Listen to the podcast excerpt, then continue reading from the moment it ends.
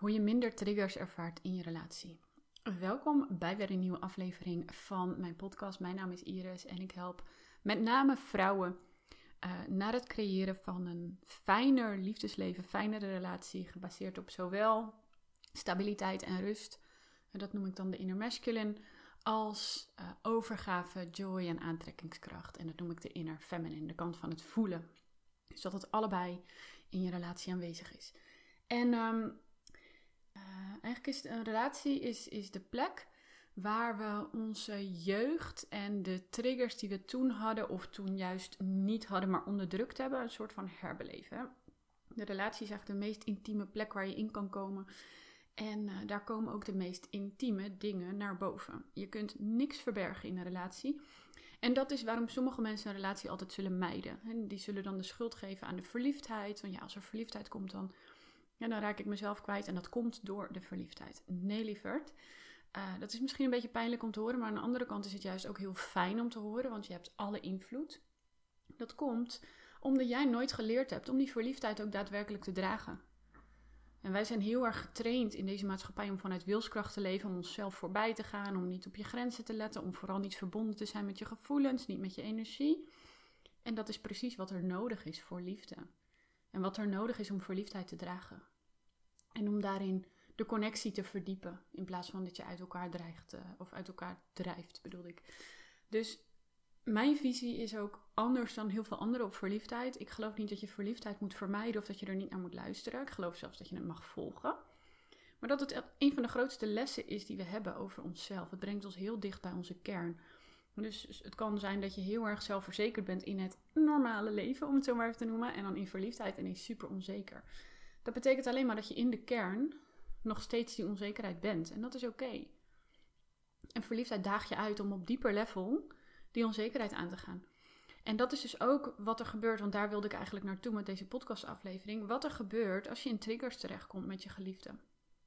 Als je in die momenten komt waar je echt overweldigd wordt van emotie of van onmacht, omdat je ergens geraakt wordt en je, gaat er, je kan er niet uit. Dat bedoel ik met een trigger, dat je, dat je bijvoorbeeld zomaar ineens in een ruzie of in afstand terechtkomt, of je gaat je terugtrekken, je gaat je afsluiten. Een trigger is dat moment waarop een van je schaduwkanten of een gevoel van onveiligheid geraakt wordt. En dat hoeft niet een daadwerkelijke onveiligheid te zijn, maar iets wat in jouw hoofd onveilig voelt. Het kan soms zo simpel zijn als. Ehm, nou, dan maak ik hem eventjes wat, wat intenser. Stel je bent vroeger mishandeld door je moeder of je vader. En elke keer voor die mishandeling um, knipte je vader bijvoorbeeld in zijn vingers of je moeder. En dat was misschien puur toeval, misschien was het uh, iets. Ik noem het even iets heel geks, hè? Elke keer voor die mishandeling knipte in je vinger. Dat, dat, geen idee waardoor, maar goed. Op een gegeven moment, als dat meerdere keren is gebeurd, dan gaat jouw brein dat vingerknippen met die mishandeling associëren. Dus dan kan het zijn dat jij lekker met je geliefde aan tafel zit. En je bespreekt een plan voor het weekend. Je hebt helemaal zin in. Je geliefde knipt ineens in zijn vingers. Zonder dat jij dat echt door hebt. En bam, je trigger gaat aan en je weet niet waarom. Je hebt geen idee en ineens zit je in afstandelijkheid, je hebt er geen zin meer in. Je denkt, oh nee, je wil eigenlijk weg, je wil ontsnappen, je wil weglopen, je wil je terugtrekken, want dat is je beschermmechanisme of wat het dan ook is. Of je begint juist ineens heel boos te worden. Dat kan ook. En je snapt niet waarom. En dat is hoe triggers werken. Triggers zijn onlogische koppelingen van ons brein aan een situatie die we niet meer willen beleven. Zo kan ik misschien het beste beschrijven. En die koppeling die weet je soms niet eens. Het kan een woord zijn wat je geliefde zegt. Het kan een manier zijn waarop die een woord zegt. Waardoor jouw brein denkt: oh nee, want dit deed mijn moeder vroeger ook altijd op die manier. En dan gaat het mis. Dus ik ga me vast terugtrekken, beschermen, uh, whatever. Wat gebeurt er in therapie? In therapie, en dat is niet om therapie naar beneden te halen, want ik ben sowieso voorstander van therapie, maar wel tot op bepaalde hoogte. In therapie ga je meestal heel die triggers uitpluizen, overanalyseren Misschien nog wel zelfs een keer herbeleven, waardoor ze nog eens een keer zo groot worden en de emotie nog eens een keer zo intens. want dan ga je dus nog een keer het signaal in je brein geven: oh jee, dit moeten we vermijden. En het kan dus zijn dat juist therapie iets verergert. En nogmaals, het is altijd goed om ergens over te praten. Maar het uitkouwen heeft ook geen zin. Dus ik ben bijvoorbeeld meer een voorstander van iets als haptotherapie dan als praattherapie. Als het om relaties gaat. Er zijn dingen waarover je juist wel beter kan praten. Er zijn ook, hè, voor alles is een place en een time. Dus er zijn ook mensen die juist in een beginfase, als heel erg gesloten zijn, gebaat zijn om eindelijk wel je verhaal te kunnen doen. Maar ik heb het even over de, de meeste mensen die mij volgen, de klanten die mij volgen. Zijn mensen die al een kei zijn in overanalyseren. En dan is therapie juist iets wat je niet gaat helpen. Want dan ga je er nog eens een keer uitkouwen. Oh ja, maar waardoor komt dat dan? En waarom doe ik dat dan? En waarom doet mijn partner dat dan? En dan wordt het een drang naar controle. En wat je eigenlijk vooral wilt in triggers, is dat je in overgave kan zijn. En juist niet in controle over je partner of controle over waardoor komt dit allemaal, want dan begrijp ik het en dan kan ik dat weer inzetten of wat dan ook. Dus eigenlijk zeg ik nu ook dat je het beginstuk van deze podcast mag loslaten, mag vergeten. Maar uh, dit, dit, was voor mij even nuttig om je te helpen met: oké, waarom doen we dit? Dan kan analyse soms nuttig zijn. Maar ga alsjeblieft niet over analyseren bij elke trigger. Denken: waarom doe ik dit? Ja, mijn moeder deed dat en mijn vader deed zus. Want dan versterkt soms ook nog eens het boos zijn op je ouders of de schuld leggen bij je ouders, waardoor je de verantwoordelijkheid niet meer pakt. Want wat je ouders ook gedaan hebben, kijk, iedereen's ouders heeft heel veel dingen verkeerd gedaan. We krijgen geen boekje mee van zo moet het, maar ik ga er altijd vanuit dat elke ouder ook het doet zo goed als die kan. En ook al betekent dat mishandeling, die ouder doet dat niet omdat hij jou bewust pijn wil doen, maar er is altijd een reden waarom. En nou ja, daar laat ik mijn analyse meestal bij. Want verder wil ik vooral in het moment van die triggers leren hoe ik daarmee kan dealen. En in het moment van die triggers wil ik weten wat ik kan doen en daar wil ik in groeien. En om daarin te groeien, helpt het om je eigen lichaam heel goed te leren kennen. En meer de waarnemer te worden van jezelf in het moment dat het gebeurt. Dus niet in de zin van, oh, ik moet weten waar het allemaal vandaan komt. Soms kan het even helpen van, oh ja, die wordt weer even aangetikt. Oké, ik begrijp hem helemaal goed. Maar even vanuit die luchtigheid. Maar je wilt vooral je eigen lichaam goed kennen. En vooral de gevoelens kennen uh, op het moment van zo'n trigger en de betekenis van die gevoelens.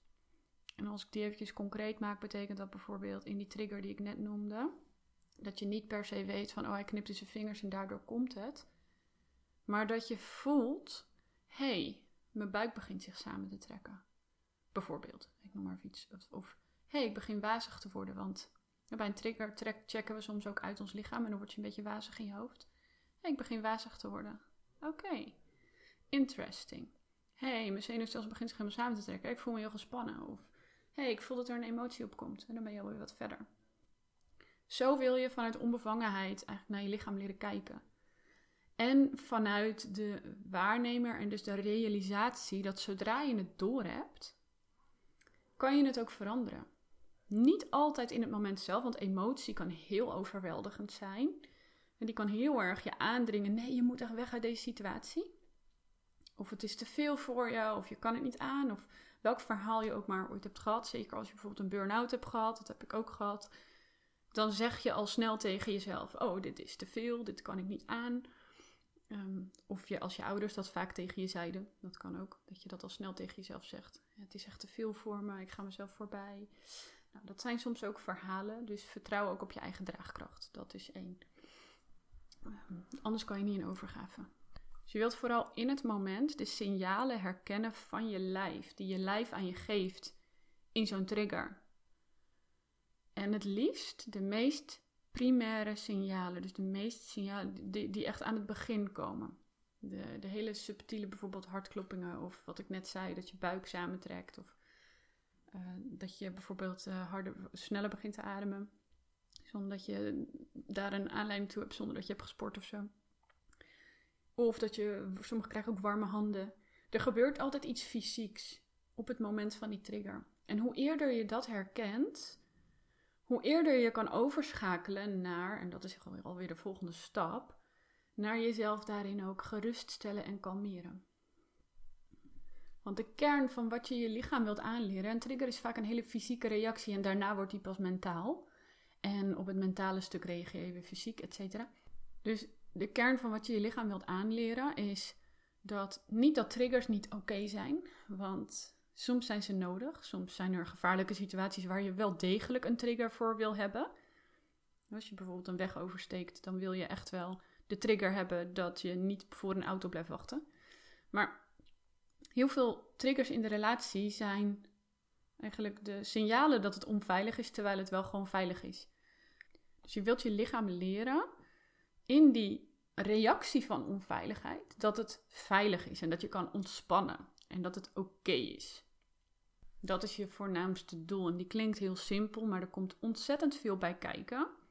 Maar als je al beseft dat dit je voornaamste doel is, dat je eigenlijk je, je zenuwstelsel, je lichaam wilt kalmeren in de situatie van waar je denkt dat het onveilig is, dan weet je al waar je in het moment naartoe werkt en dan is dat ook je ankerpunt. Mij hielp het heel erg om dit als ankerpunt te hebben van oké, ik heb een trigger, maar ik ben niet machteloos. Hetgene wat ik te leren heb gaat niet over me gelijk krijgen, over mijn verhalen geloven, over harder schreeuwen of over wat het dan ook is. Maar datgene wat ik te leren heb is om mijn lichaam te leren dat ze kan ontspannen in deze situatie. Want de meeste triggers worden aangezet door je lichaam. Vaak besef je dat niet. Ze worden aangezet, er wordt een schaduwkant geraakt of er wordt iets geraakt wat er ooit gebeurd is. En dan gaat je lichaam aan. En doordat je lichaam aangaat, die gaat meteen in die reactie van fight, fright, flight. Een van de dingen die jij hebt aangeleerd te doen. Dus de ene vlucht en klap of, of dicht. En de andere die vecht terug, die gaat harder schreeuwen. Of, en, en sommige die freeze helemaal. Dus wat, wat het ook is wat je hebt aangeleerd, dat wordt aangezet door je lichaam. En daarna gaan al die gedachten en verhalen eroverheen van ja, je ziet me niet, je hoort me niet, je, hij heeft het allemaal gedaan. Of, of de verhalen van ehm, wat ik net zei, van ik kan het niet aan en het is dus de slachtofferverhalen meer. Ik moet hieruit weg, het wordt me te veel, wat het ook is. Dat gaat daarna aan. Dus je wilt zoveel mogelijk focussen op het uh, ontspannen van je lichaam, omdat dat de kern is van je trigger. Als je lichaam ontspant, dan gaan meestal die verhalen niet meer aan. En als die verhalen al aangaan, dan is het ook weer helpend om daarin je lichaam te kunnen ontspannen. Want dat is de, de kern van waar het begint, je energie, je lichaam. En dat is ook weer een reden waarom praattherapie in triggers heel vaak niet voldoende in elk geval werkt.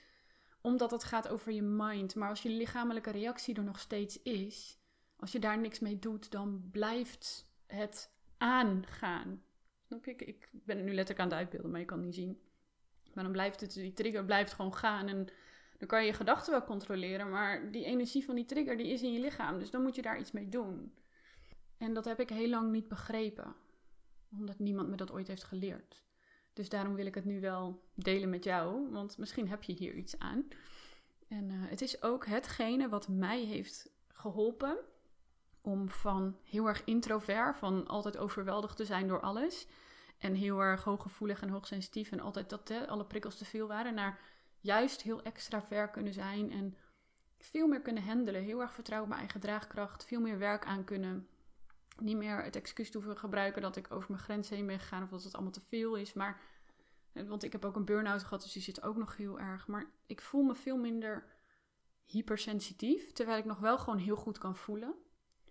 En ik ben echt van introvert naar extravert gegaan. Ik laat op door andere mensen. En dat ik vroeger echt niet. Toen moest ik tijd alleen spenderen om op te laden. En dat had echt hiermee te maken. Met het niet kunnen reguleren van mijn zenuwstelsel. Met het niet goed kunnen uh, reguleren ook van mijn emoties. Maar dat heeft ook weer daarmee te maken. Dus het gaat echt terug naar bodywork.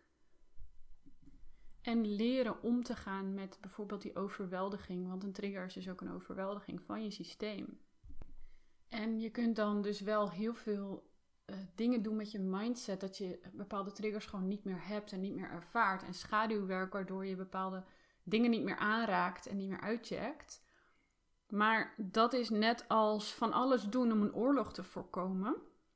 Maar het is wel lekker dat op het moment als er daadwerkelijk een keer oorlog komt, dat je dan ook weet wat je kunt doen. En dit is niet een letterlijke oorlog, maar in feite is het oorlog in je lichaam. En het helpt om dan ook daarin juist te weten wat je moet doen. En dan hoeft het nooit meer zo ver te komen dat er oorlog is, want je kunt al je schaduwkanten aangaan. Maar ja, als er dan wel een keer oorlog is, dan kun je het ook handelen. En oorlog wil niet altijd zeggen dat je in je relatie een trigger moet hebben, maar ik pak nog even een mooi voorbeeld van mij. Ik heb een, nogmaals, ik heb dus een burn-out gehad en dan had ik een heel groot slaapprobleem. Ik kon echt niet meer in slaap komen. Soms sloeg ik nachten over en als ik mazzel had, dan sliep ik twee uur per nacht. Met slaappillen vaak nog. Dus dat heeft echt wat schade aangericht. En dat heb ik hele lange tijd nog gevoeld. En soms voel ik het nog steeds wel. Maar dan op de momenten dat ik s'nachts wakker werd, kon ik best wel in soort van in paniek schieten. En in de, de, de angst van, oh shit, straks slaap ik weer niet meer. En dan, hè, dan, want ik weet nog wel hoe die dagen waren, dat was niet fijn. Dus daar zat bij mij ook een oorlog. En nu kan ik die heel goed managen, omdat ik weet hoe ik mijn zenuwstelsel op dat moment vanuit overgave tot rust kan krijgen. En dat heeft mij ontzettend geholpen, ook destijds met überhaupt weer in slaap komen. Want slaap is bijvoorbeeld ook echt een activiteit waar je lichaam ontspannen voor moet zijn en waar je in je lichaam voor moet zijn. Is, dat is liefde ook. In liefde wil je in je lichaam zijn, want dan voel je dingen. Op het moment dat je in een trigger zit en je, dan schiet je dus energetisch uit je lichaam, dan voel je niet meer. Je sluit al je gevoel af, je zenuwstelsel gaat dicht. Dus zo noem ik het dan maar even. En je voelt niet meer. Dus het gebeurt ook vaak dat mensen die heel veel in triggers zitten, en die hebben dan niet eens per se ruzie, maar die worden zo erg getriggerd door dingen. Bijvoorbeeld omdat ze hun grens niet kunnen aangeven, omdat iemand veel te dichtbij komt en die weet niet hoe die daar moet handelen. Dan sluit heel je gevoel af. Dat heb ik vaak genoeg met klanten gehad. En als ze dan leren om wel enerzijds zenuwstelsel te kalmeren in het moment, anderzijds grenzen uit te spreken, dan kan ineens die verliefdheid toch weer stromen. En dan denk je, hè, hoe dan? Nou, dat is dus hoe sterk ons zenuwstelsel is en hoe sterk het je gevoel kan afsluiten. Het kan van alles doen. Dus als je je triggers wilt aangaan en wilt verwerken, leer dan ook echt in het moment connecten met jouw lichaam, met de, met de signalen die je lichaam je geeft. En zoveel mogelijk in het moment handelen naar je lichaam weer tot rust krijgen. En space geven aan die overweldiging en je lichaam echt leren dat die veilig is. En daar zijn heel veel manieren voor, maar dat, daar is deze podcast te kort voor. Mocht je dat willen leren, het is een van de dingen die ik ook aan mijn klanten leer. Onder andere in mijn programma, The Feminine on Fire, maar ook mijn één op één klanten. Dus mocht je daar meer over willen weten, dan zet ik hieronder de linkjes naar mijn programma en mijn één op één. En vanaf daar kun je eventueel een gesprek inplannen om te kijken hoe het er voor jou uit zou kunnen zien en of dat iets voor jou is. Goed, lieverd, dankjewel weer voor het luisteren en ik zie jou heel graag weer bij een volgende aflevering terug.